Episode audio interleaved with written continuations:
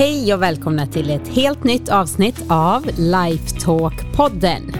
Med mig Karin Haglund, kost och hälsocoach och min man Anders Haglund, transformativ mental coach. I den här podden får du svara på frågor inom personlig utveckling och mental hälsa. Hur du lever ett bättre liv helt enkelt, inifrån och ut och blir den bästa versionen av dig själv.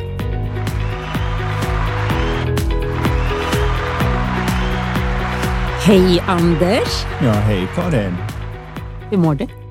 Jo, tack, jag mår bra. Härligt. Du har tillbringat en, en lunch med Mm. mig.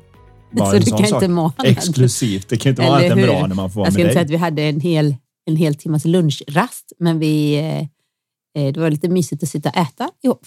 Mm. Det är fördelen när man jobbar tillsammans. Ja, Även om vi inte alltid synkar våra mattider. så är det ju. Ja, och det är vår.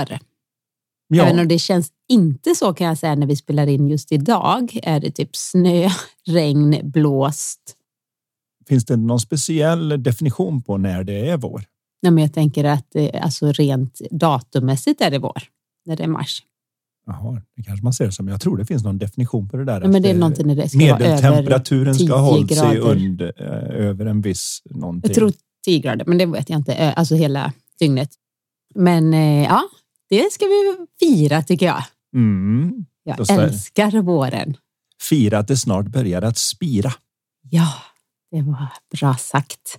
Eh, men eh, vi kör igång på en fråga. Ja, det gör vi. Vi börjar med en kort fråga. Den lyder så här.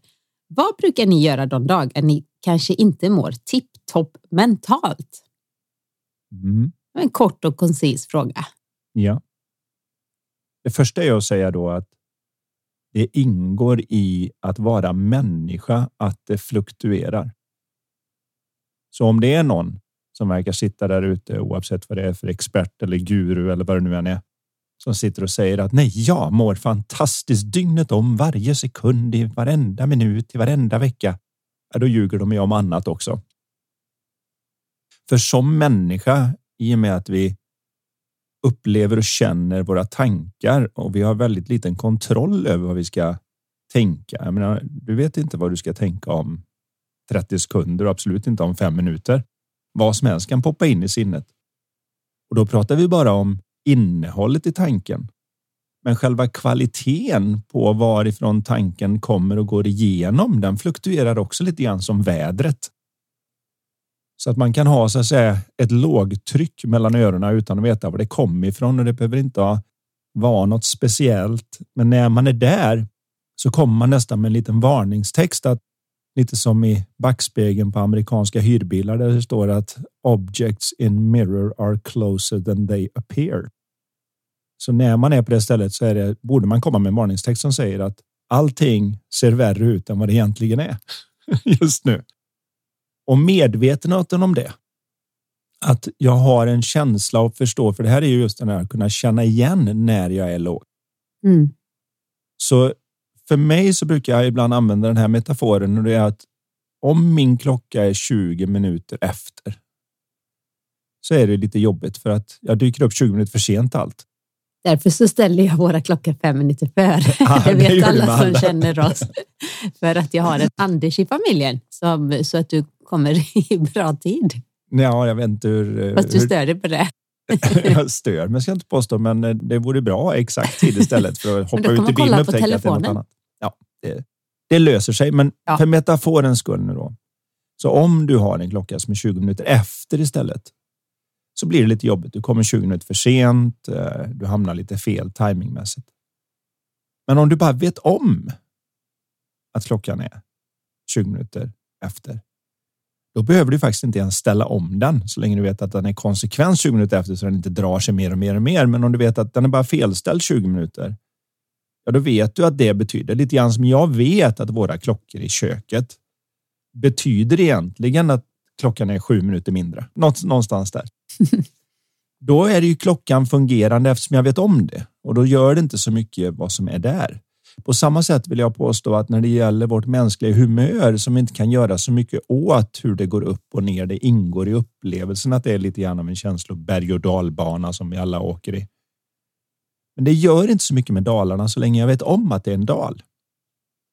För då kan jag så att säga fortfarande komma i tid. Då kan jag fortfarande prestera. Jag kan veta att jag har vissa tendenser när man då inte är på topp som gör att när jag väl ska ta en kontakt med en annan människa eller skriva någonting på datorn eller vad det nu än är så är jag lite medveten om att det här är inte riktigt så som det känns. Det är inte riktigt så som jag upplever det just nu, för allting kommer att sättas lite sordin på. Jag kommer vara lite känsligare kanske att jag tar en förflugen kommentar mer personligt just nu än vad jag skulle göra när jag är på topp, när jag bara tycker att ja, ja, så tycker du. Medan annars så tycker man nej, det var det sista jag behövde idag. Mm. Och bara medvetenheten om att verkligheten inte är fast utan att den följer mitt humör som går som vädret är egentligen avgörande. Inte att försöka tro att man kan fixa och dona med det allt för mycket, utan att man anpassar sig och är i förhållande till det. Så när frågan här lite kort är vad gör ni när? Så skulle jag vilja påstå att ju djupare man förstår hur det funkar, ju mindre gör man med det. Mm. Utan man anpassar sig till det.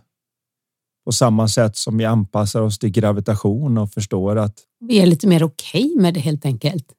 Ja, man ser inte det som ett personligt konstruktionsfel att man har det. Utan, Eller att man måste fixa sig för att bli tipptopp igen. Ja. Inom teknik brukar man fråga sådana här saker. Is it a feature or is it a bug? Vad de menar med det är att är det här någonting som är bra som ingår i den här tekniska grejen? Eller är det här en glitch, någonting som inte borde vara där? Och jag skulle vilja påstå att våra humörsvängningar, precis som vädret eller klimatet till sig, är en feature och inte en bug. För om vi inte hade vår, sommar, höst, vinter och de här regn, sol, vind, stiltje. Om vi inte hade alla de variationerna så hade ju ingenting kunnat växa. Livet hade inte kunnat finnas och när det bara varit steket hela tiden eller om det aldrig regnade eller vad det nu än är. På samma sätt så verkar det vara så att livet i sig för oss rent mentalt är lite samma sak. Att om vi inte hade de här fluktuationerna, om vi verkligen var det, bara, ja, men allt är kanon hela tiden, då skulle, då skulle vi kanske inte vare sig lära oss allt det vi lär oss tack vare att vi har de här. För det är ju ofta ifrån det här emotionella trycket som inser att nej, det här behöver jag lära mig någonting om. Nu behöver jag kunna någonting för att kunna ta mig an det här på ett bättre sätt. Så det är väl mitt svar. Utvecklas som människa. Precis. Man behöver det här så att även om man kanske skulle vilja göra så om man nu som många inte gillar vintern och helst skulle gå in i Outlook och radera januari, februari och tycka att det vill jag inte ha. så kommer det fortfarande vara vad det är. Och många vill nog göra så att de går in i sina sinnen och säger ja, jag vill radera alla de obekväma grejerna och så vill jag bara ta bort dem. Men utan dem, var är kontrasten? Det är först genom att jag känner på något varmt som jag vet att något är kallt. Det är först när jag varit på ett ljust ställe som jag märker att något är mörkt. Jag pratar med barn om det lite grann för framförallt våran mellankille. Han tycker det är lite jobbigt när man kommer in och tänder i rummet på morgonen. Han tycker det blir så himla ljust att det är jobbigt för ögonen och så får jag förklara för honom att nej, det är för att det har varit mörkt länge så ögonen har inte vant sig. Om en liten stund så är det som vanligt. Och även tvärtom så tycker han liksom nej, du får inte släcka. Jag ser ingenting. Och säger ja, men om du väntar en liten stund så börjar saker och ting framträda och rummet kommer in igen när ögonen har vant sig vid mörkret och ställer om. Och det är lite samma sak om vi inte får panik över våra låga ställen, att systemet anpassar sig och ställer om om du ger det chansen. Men ofta är det att vi är där och fixar för tidigt. Minsta eller tillstymmelse till obekvämhet säger oh, vad ska jag göra? Vad ska jag tänka på? Hur hittar jag min lycka igen? Vad kan jag göra för aktivitet som kan få mig tillbaka till mitt rätta jag? Och just det gör att man är där längre tid skulle jag vilja säga. Och ju mer man är chill med att okej, okay, inte riktigt tipptopp mentalt idag, så är det sällan en hel dag, utan det går ganska fort så att säga, över. Man märker inte riktigt heller, utan man observerar och är liksom okej okay med att försöker inte fixa. Jag var ju tidigare, skulle jag säga, en eh, personlighetsutvecklingsjunkie. Jag hade så här listor eh, när vi träffades, här, mina mål, jag läste dem varje morgon, varje kväll och jag hade ja, massa olika så här, övningar, mentala. Och jag betedde mig verkligen som att man behövde träna sitt mentala. Precis som jag tränar varje dag olika sorters övningar för kroppen fysiskt. Mm. Så trodde jag att okej, okay, påminn dig om det här, gör det här. Det, det, det, och till slut det blev ganska, det blev liksom övermäktigt. Det blev så, jag var helt full, hade fullt upp med de här olika övningarna för att så att säga rikta sinnet i rätt, vad jag trodde då, rätt fokus. Och sen med en djupare förståelse över hur vi faktiskt fungerar så insåg jag att tog bort lite av det och behövde inte göra det. Mm. För jag gillade inte att vara låg innan, utan då var jag en sån. Jag fixar det. Jag ska hitta på någonting. Ska jag gå till gå? Ska jag göra det här? Försökte verkligen så himla mycket. Och nu säger jag bara till dig så här. Du, Anders, prata inte med mig nu. Arg. Jaha, säger du. Ja, okej. Okay. Mm. Säger jag någonting så här, okej, okay, jag måste bara få ur mig det här. Det här eh, är jag upprörd över just nu. Och så kanske du börjar med någon lösning. Bara, nej, nej, nej. Eh, ta inte, lyssna inte på orden. Det är bara känslan. Jag var just nu lite upprörd. Ha, skönt. Och sen så jag är ju kanske går lite snabb. Alltså, jag är lite snabb i mina känslor. Jag, det går över väldigt fort på mig. Eh, ja. Å andra sidan kan jag kanske vara mer upprörd. Men det är, också, är. det är också en fördel att förstå att det här gäller för alla. Är att när det gäller det riktiga vädret, om du ska kalla det riktiga vädret, det som faktiskt är där ute och regnar och blåser och så. Det tar ju en viss tid. Det finns en, en, det finns en de facto fysikalisk anledning till att det behöver ta en stund innan eh, det blåser över.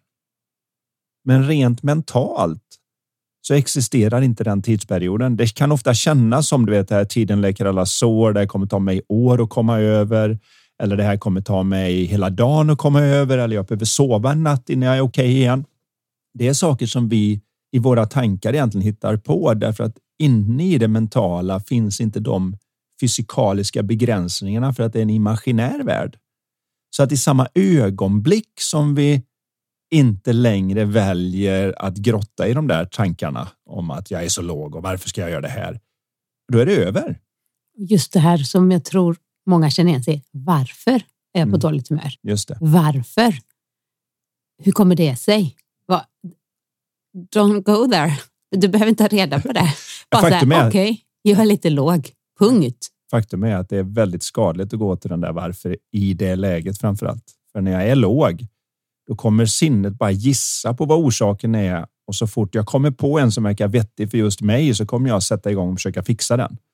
Så om jag får för mig att det är min partner som får mig att bli irriterad, ja, då ger jag mig på min partner på olika sätt för att de ska sluta vara sådana så att jag kan få tillbaka min känsla. Vi missar då hur inifrån och ut det här fungerar. Så att om man kommer hem till sin partner och kan svära på, för det är som åkt konståkning en gång i tiden och sånt.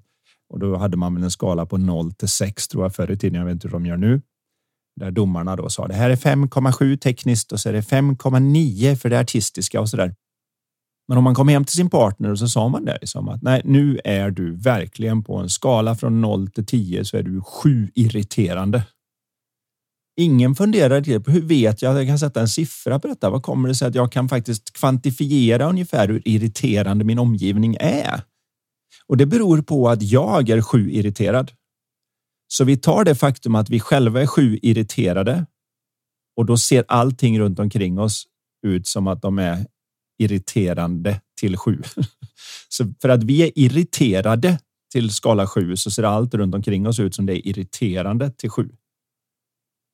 Vi vet nu att det inte håller ihop riktigt därför att om någon man verkligen bryr sig om lackar ur fullständigt och går över skalan på 12 och bara eh, beter sig jättekonstigt då, då är det som att ett gummiband går av och så tappar vi hela vår irritation och blir istället Herregud, hur mår du? Har det hänt någonting? Va? det här är inte alls likt dig. Så vi vet att de följer inte varandra. Så vi kan ha någon märkligt nog som går over the top irriterande och vi kan bli kärleksfulla och varma.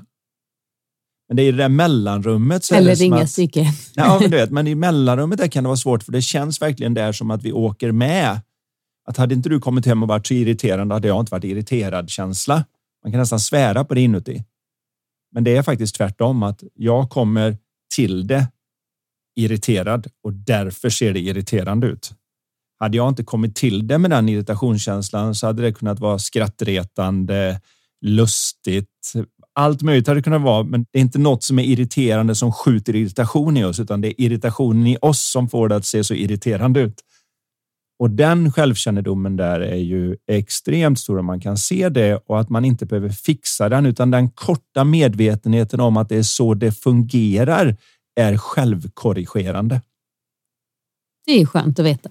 Det är väldigt skönt att veta. Så det räcker nästan att man blir lite medveten i stunden. Där. Att, just Så det. svaret på frågan, vad brukar ni göra de dagar ni kanske inte mår tipptopp mentalt, är Så lite som möjligt. så lite som möjligt. Eh, Men jag kan säga vad vi inte brukar göra. Vi tar inte viktiga beslut. Vi diskuterar inte, ja, nu måste vi lösa Nu ska vi alltså, ha någon relationsutmaning. Alltså, det är ju de tillfällena om man inte är, alltså känner sig lite låg. Om man känner sig lite låg, då ska man inte ta de här viktiga besluten. Man ska inte ta vissa konflikter. Nej. Man är inte mentalt klar helt enkelt. Nej, man är som Man är sämst på oklar. det just då.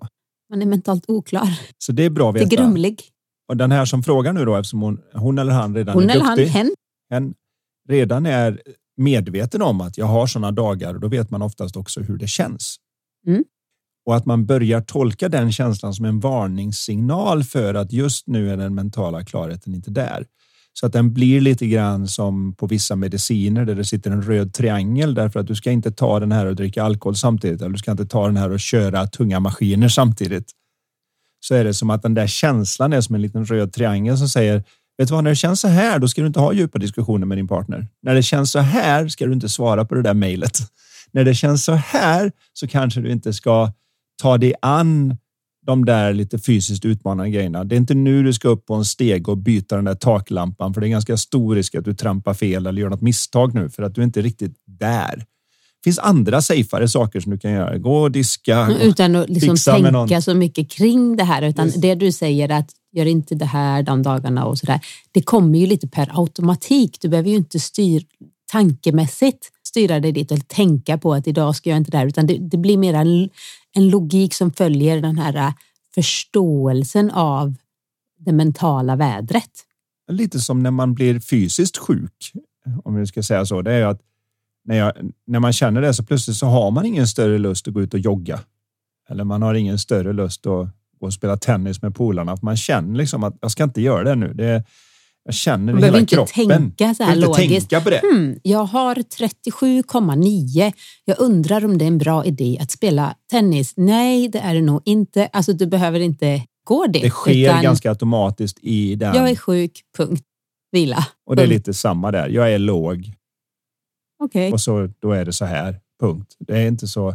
Det är inte så märkvärdigt som det kanske kan låta. Det är därför jag försöker hålla mig ifrån de här 1, 2, 3, 4 att göra-listorna, de 13 bästa tipsen för låga dagar.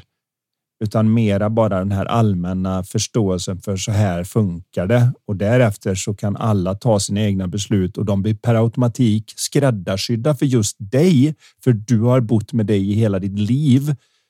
Och jag vet inte ens vem du är kanske. Att komma med specifika 1, 2, 3, 4 råd för folk då är lite hybris. Men däremot så kan vi så att säga diskutera gravitation och fysikens lagar. Och det gäller oavsett om jag ska bygga hus, få raketer att flyga eller om jag ska få en tv-apparat att fungera. Om jag har förstått de bitarna, då kan jag göra vilket som.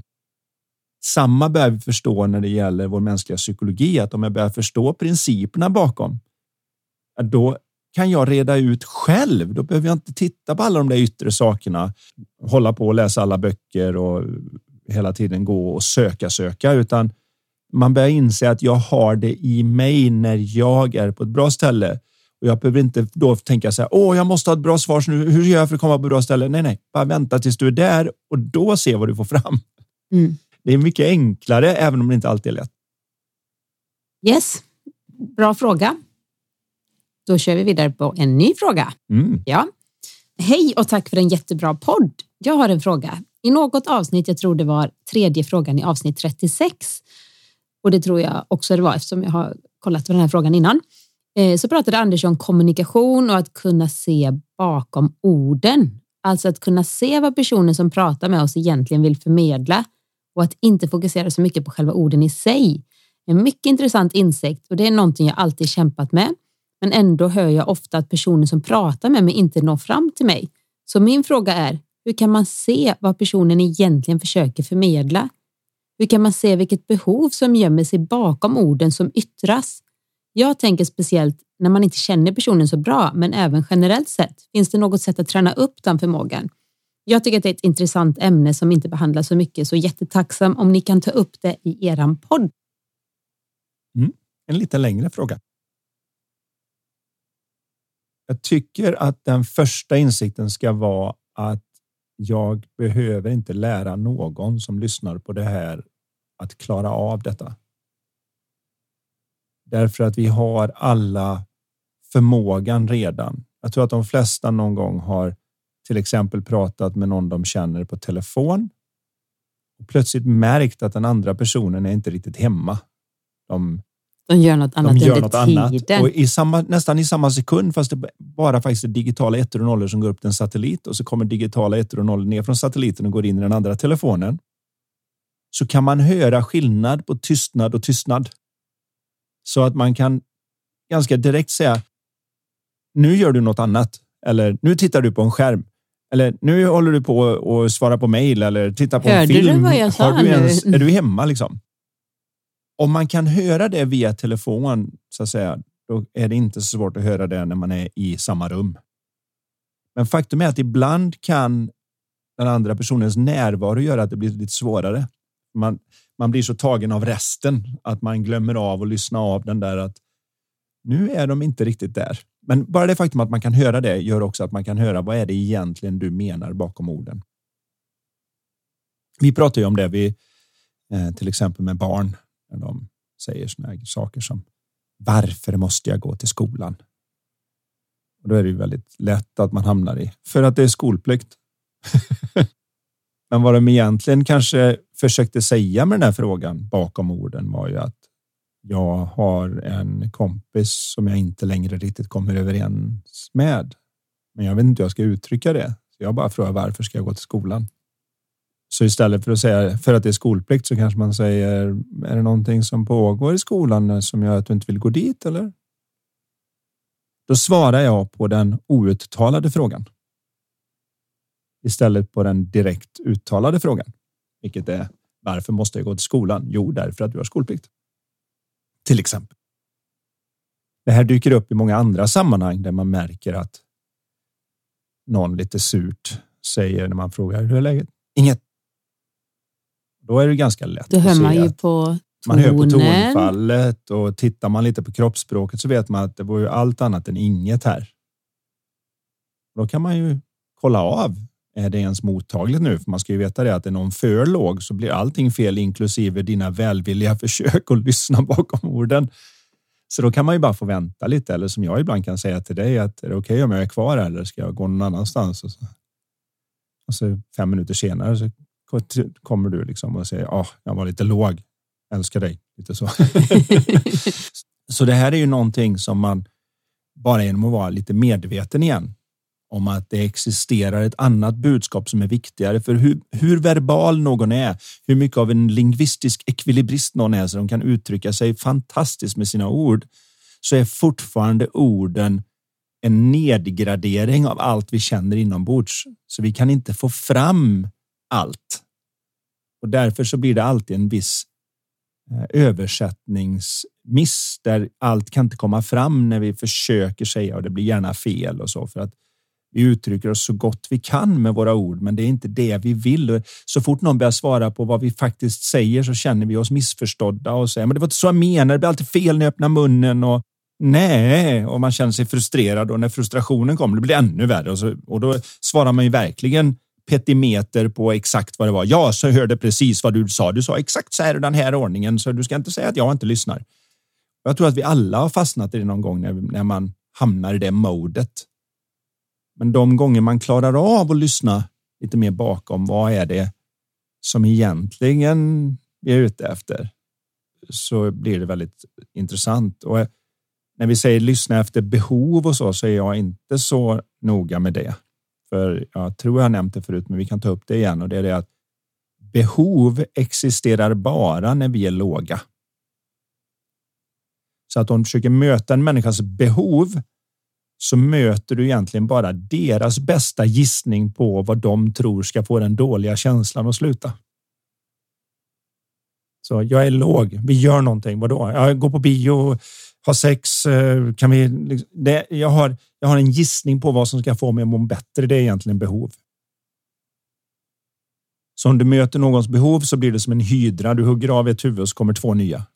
Det här ser chefer på jobbet mycket när det blir lite klagomål och sånt. Att ah, jag behöver ett nytt kontor och så får de ett nytt kontor. Ah, jag är dålig dator. Jag behöver en ny stol. Nej, vi men måste sen kan man fortfarande vilja ha en ny dator, men det är inget behov. behov. Och det är inte sånt akut behov att jag bara måste ha det här, utan det kan vara en, vad säger man det då, en vilja eller en... Eh, en preferens En preferens av att ja, jag trivs faktiskt bättre och tycker jag arbetar bättre i ett ljusare kontor med ett fönster ja. till exempel. Men det är inget Eller nu börjar min dator bli för gammal och slö för det program jag håller på med. Det, det är bara ett faktum. Det är bara ett faktum att det går lite för långsamt nu. Jag får sitta här och vänta i tio sekunder på att titta på en badboll för att den klarar inte av det här nya programmet. Alla de sakerna är fortfarande saker som man behöver adressera. Det är inte det jag säger. Det är inte att ah, är det bara att du är låg nu så det behöver inte göra något åt. Det är inte det jag säger. Vad jag säger är bara att de flesta behov som uttrycks handlar egentligen om att jag har en dålig känsla som jag inte vet hur jag ska adressera. Och eftersom de flesta av oss är uppfostrade att försöka lösa våra interna problem med externa metoder, alltså med andra ord med de behov vi har som vi kallar det. Nu behöver jag ha det här eller nu behöver vi göra det här. Nu ska det hända någonting. Nu ska det inte hända någonting. Allt det där är egentligen att jag har någonting internt som jag inte förstår mig på, men jag vill inte ha det längre. Och så gör jag nu min bästa gissning och så börjar jag fixa där ute. Och genom att adressera så att säga den mentala oklarheten, den mentala obalansen istället för att adressera själva aktiviteten så får jag mycket större chans att lösa det som de egentligen vill ha löst. Nu dyker den här historien upp i mitt huvud, men den kan vara lite intressant i sammanhanget. Jag hade en klient, det här är många år sedan. Och när vi pratade hela tiden så när vi pratade framgång så dök hela tiden den här röda Ferrarin upp i diskussionen. Det var på något vis så hade det blivit hans ikon för framgång att man får sin röda Ferrari ungefär. Jag vet, ja, det är som eh, det där med den röda Ferrarin. Alltså, det dök upp på olika sätt i vår diskussion under coachingen. Och vi har ju inte så många mil härifrån Numera är det inte officiell handlare längre, men då var von Brauns den enda Ferrari-handlaren i Sverige tror jag. Så inför ett av våra möten, så istället för att vi skulle träffas på kontoret och sitta och snacka så hade jag bokat in oss där nere. Så vi åkte dit.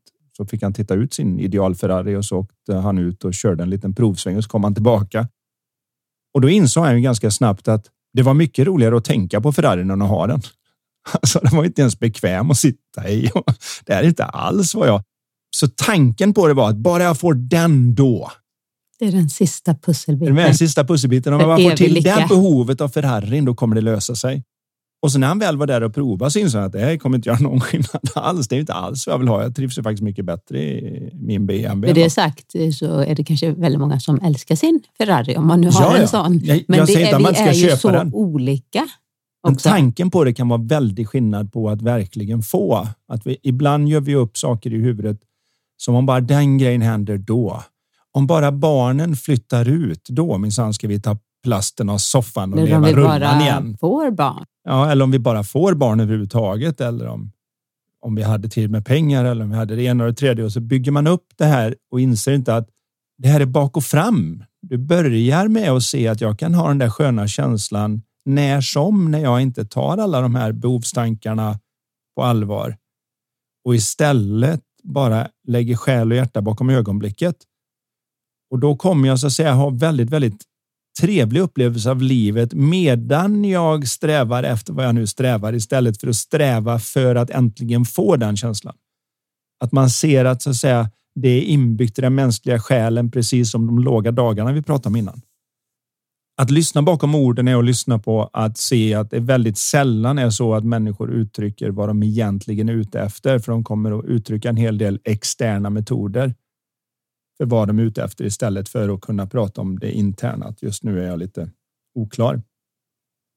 Det är en extrem skillnad att höja rösten mot sin partner och sen komma på att det behöver jag nog be om ursäkt för. för om, och så går man dit och säger ursäkta att jag höjde rösten. Men du måste trots allt förstå att när det är så här så bla bla bla bla bla. Och så är vi egentligen rättfärdig man ju då att man överhuvudtaget blir sur innan.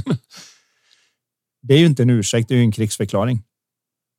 Men om man däremot faktiskt går efter hur vi fungerar och säger jag ursäkta att jag höjde rösten innan. Det blev lite mycket mellan mina öron och så fick jag en horribel känsla. Jag blev, mådde jättedåligt och så tog jag ut den på dig. Förlåt. Det finns ju ingenstans att ta vägen därifrån, för det är ju bara sanningen.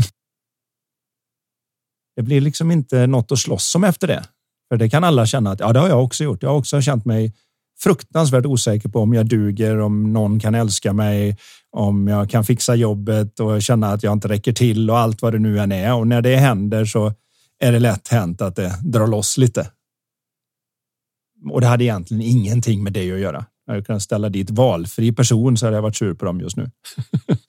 så bara genom att se hur det här fungerar, att det är så jag lyssnar bakom och ser att okej, okay, det de uttrycker är väldigt sällan det de egentligen är ute efter att få fram. Att det finns en hel värld där bakom och att man kan nysta lite i den genom att börja. Och sen tänker jag det är väl som med allting att om man har intentionen att bli lite bättre på att verkligen lyssna utan att aktivt liksom försöka, för då ibland fastnar vi för mycket. Då blir vi mera i huvudet att oh, vad, vad är det nu han egentligen försöker säga här? Alltså, släpp det, men ha intentionen är att jag vill bli en bättre lyssnare mm. så blir vi ju bättre och bättre på det vi tränar på. För det är som du sa i tidigare avsnitt, vi, vi är ovana att lyssna på det sättet. Vi är vana att lyssna på orden. Ja. Eller att inte bara då alltså tänka på vad vi själva ska säga kanske. Så om jag skulle säga ett ord för att bli bättre, då skulle jag bara säga det som närvaro. Mm. Den kan vara klurig och också för det kan det bli en sån här, nu måste jag vara närvarande, nu måste jag vara närvarande. Så det här är ett litet moment 22. Man blir ju mer automatiskt närvarande om jag verkligen är genuint intresserad av att, vad är det Anders är? Mm. Vad, är han, vad försöker han säga? Ja, men, och jag är nyfiken så försvinner allt annat och jag ja. blir närvarande. Jag ska inte behöva försöka aktivt tänka, okej, okay, nu ska jag gå in här i det här och jag ska vara så närvarande. Mm. Eh, då försvann ju närvaron. Då hamnar jag i huvudet. Men också ha det som en intention att vara lite mer närvarande. Och det vet vi ju då med forskning och allting. Till exempel när en telefon, om du och jag sitter och har ett eh, lunch till exempel mm.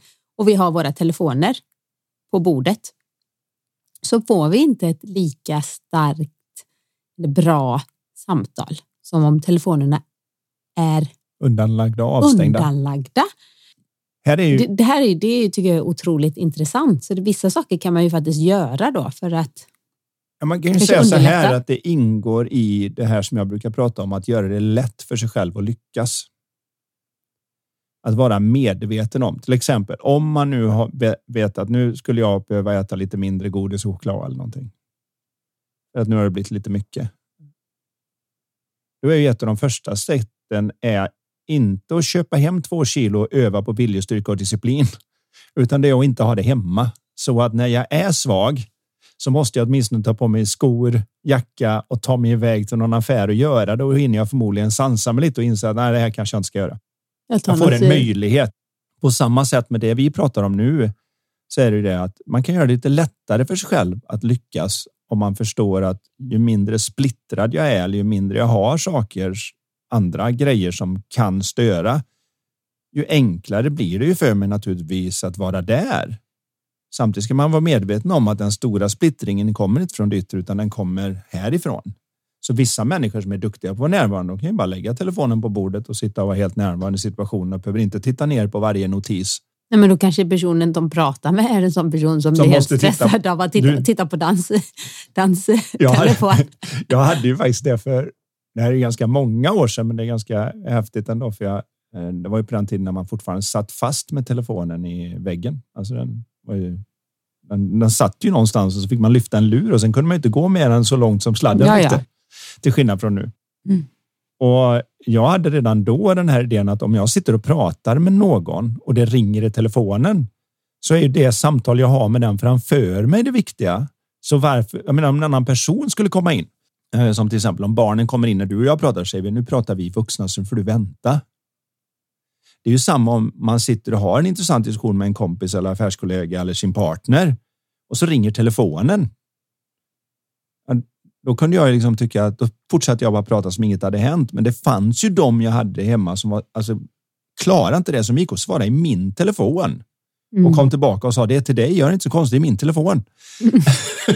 ja, men, det, men de klarar jag... alltså inte av att höra telefonen ringa för det sitter så hårt att nej men det ringer, då måste man ta det. Det, det är många som säger om, om jag har min telefon i typ handväskan eller någonting så här, nej men eh, jag tror du fick ett sms. Jaha.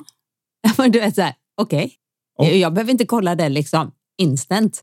Är det någonting livsviktigt så är det någon som ringer typ tio gånger tills man svarar.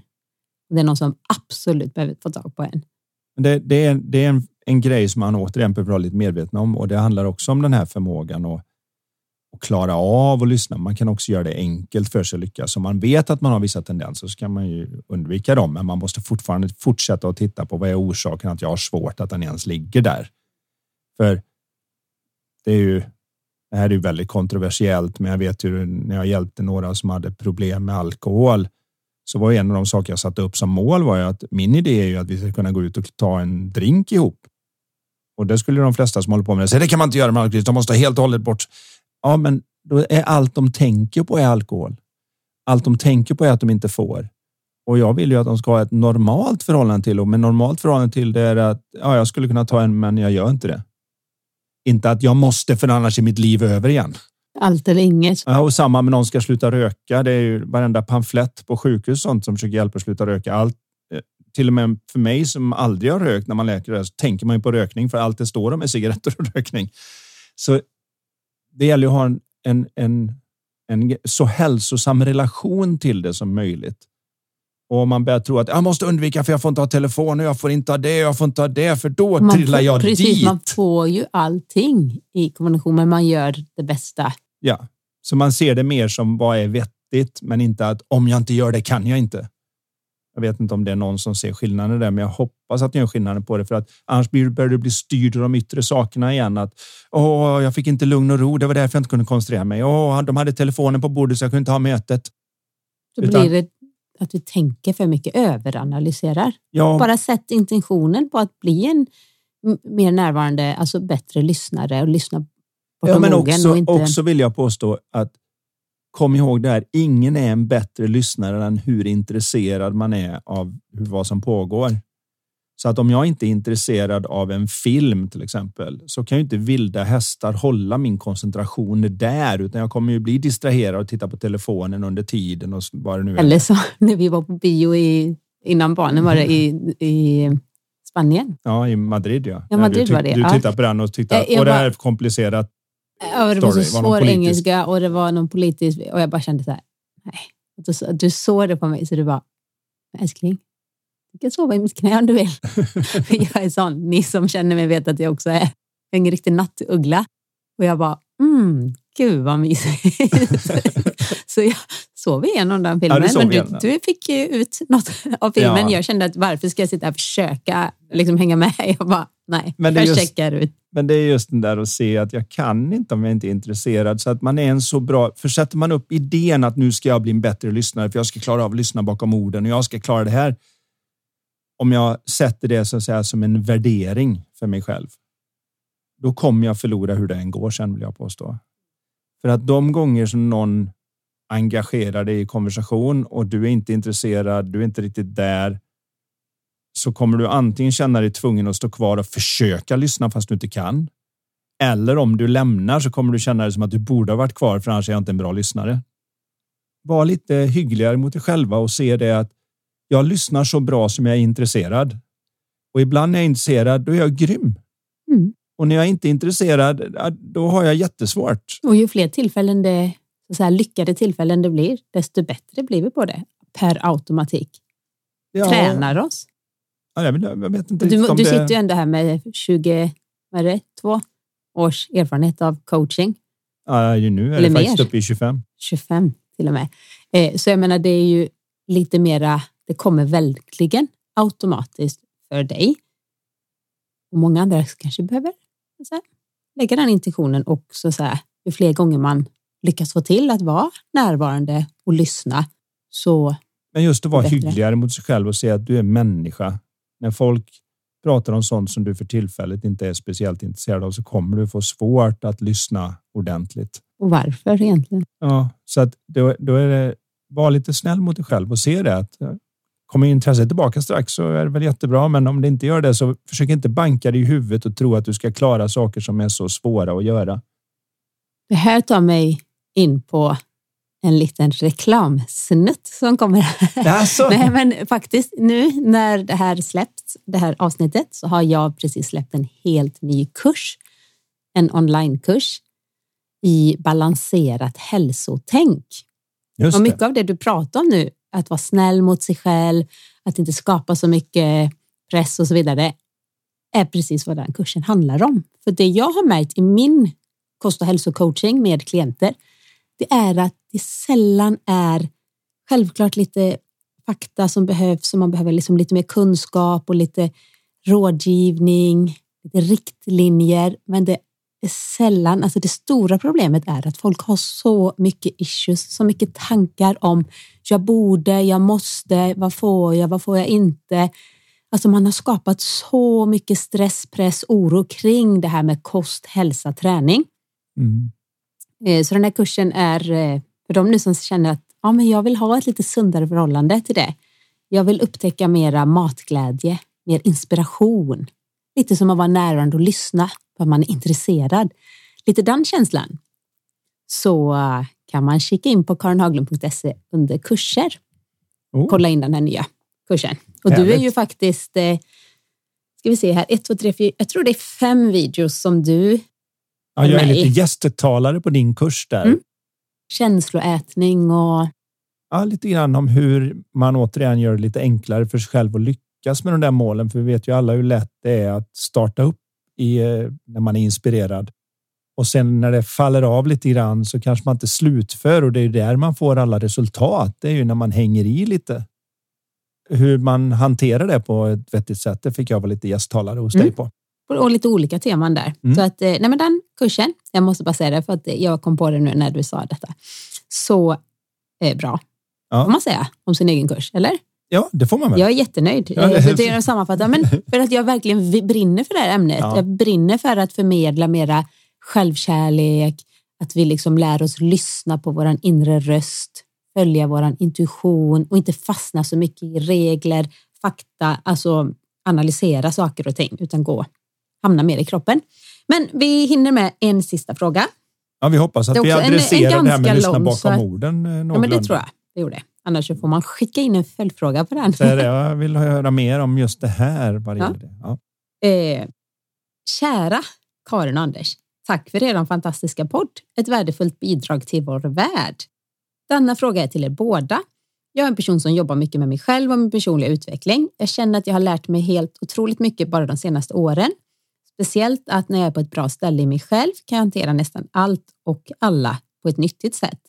Men ibland när jag är på ett visst ställe i min kvinnliga cykel så kan det kännas nästan omöjligt att upprätthålla balansen och lugnet i mitt sinne. Det kan kännas som jag kommer explodera vilken minut som helst av den minsta detaljen. Min fråga, har ni idéer för att hjälpa sin kropp och sinne lite grann genom denna hormonella rollercoaster? Extra träning, mindre träning, speciell kost, vitaminer. Jag är spänd på att höra era tankar. Från Victoria. Mm.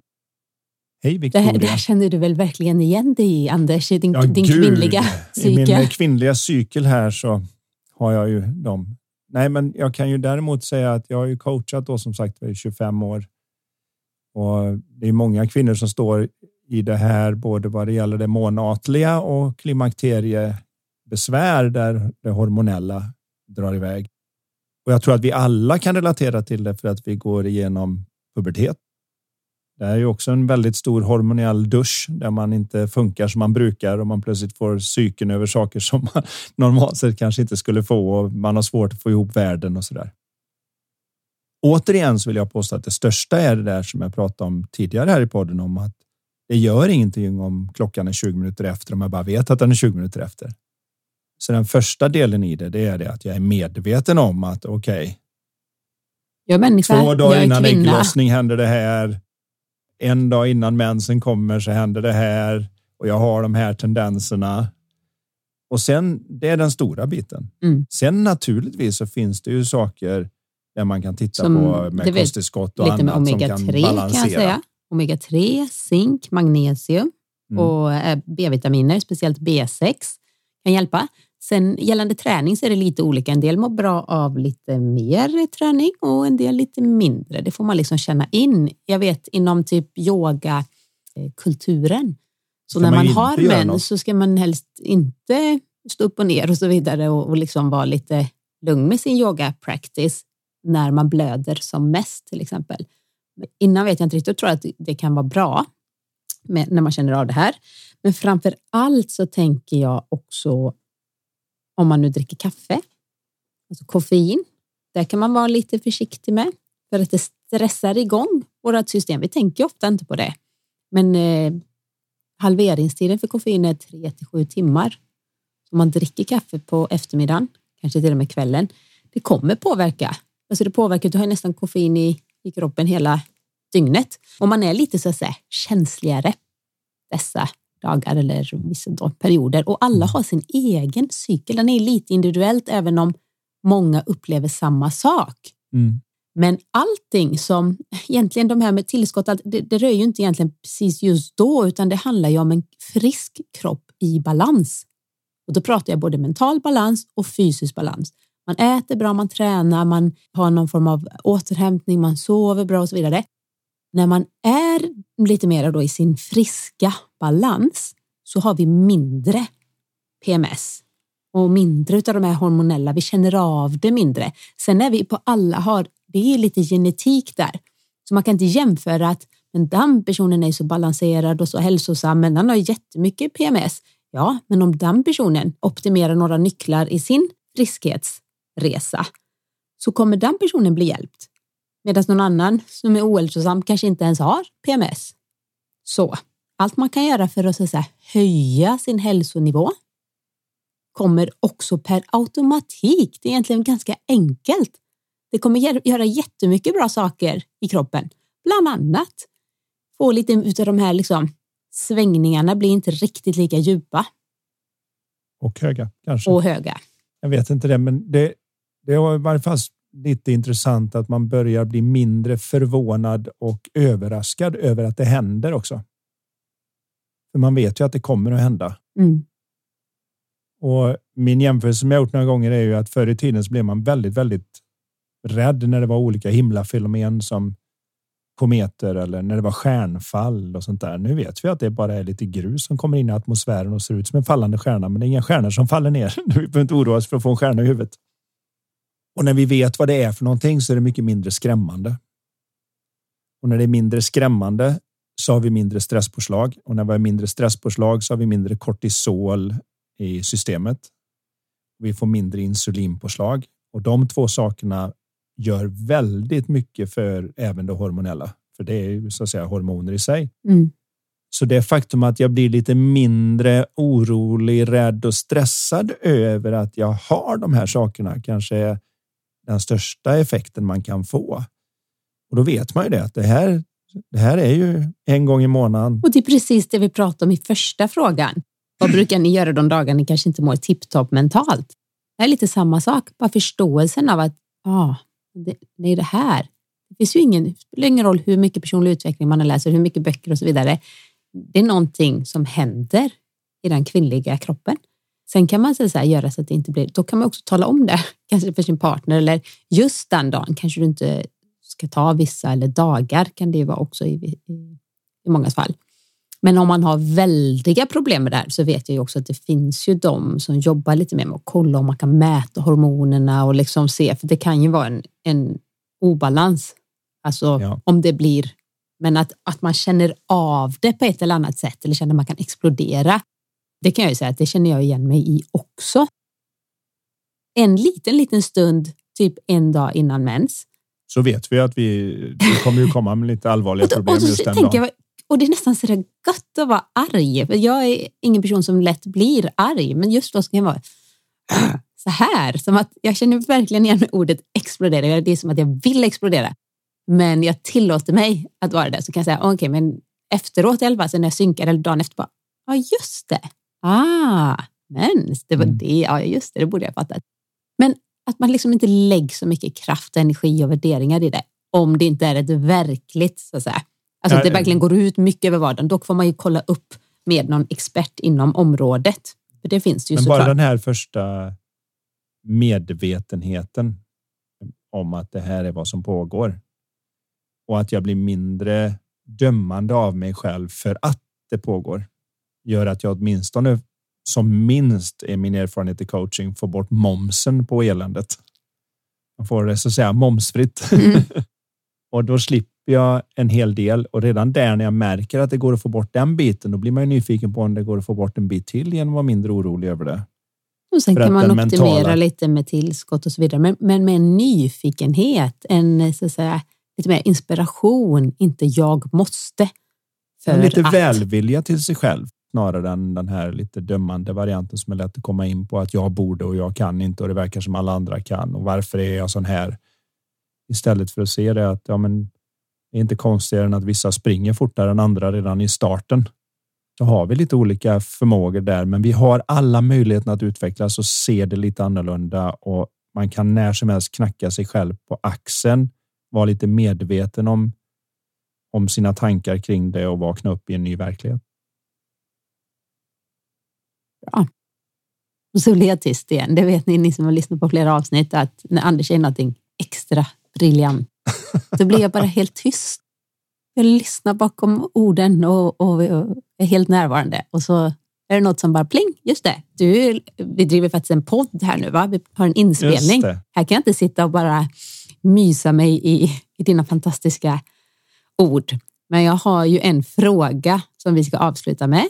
Oj, är vi där redan? Vi är där redan och det är en Lifetalk-fråga från vårt spel som heter Lifetalk som är 88 frågor inom personlig utveckling. Det finns två olika varianter på Lifetalk och frågan som jag vill ställa till er idag som ni får filosofera över är följande. Vad skulle du behöva vara mindre rädd för om du skulle kunna leva livet än mer fullt ut? Mm, ta den en gång till. Vad skulle du behöva vara mindre rädd för om du skulle kunna leva livet än mer fullt ut? Yes. Yes, där satt den, satt Anders. Den. Ja, Ett helt nu... avsnitt är gjort igen. Mm. Tack för att ni lyssnade och som sagt, du funderat på den här frågan. Hörs vi om två veckor igen. Det gör vi. Hej då! Du har lyssnat på Lifetalk-podden. Vi vore så tacksamma om du vill lämna ett betyg och eller recension i iTunes. Dina frågor de kan du skicka till oss på lifetalkpodden.se. Spelet Lifetalk finns också att beställa där. Vill du komma i kontakt med oss rörande samarbeten, coaching, föreläsningar och event? Då kan du mejla till karin.lifevision.se. Tusen tack för att du har lyssnat! Och du, gillar du podden? Dela den gärna vidare och tipsa om den i sociala medier. Låt oss tillsammans göra världen lite mer mentalt välmående.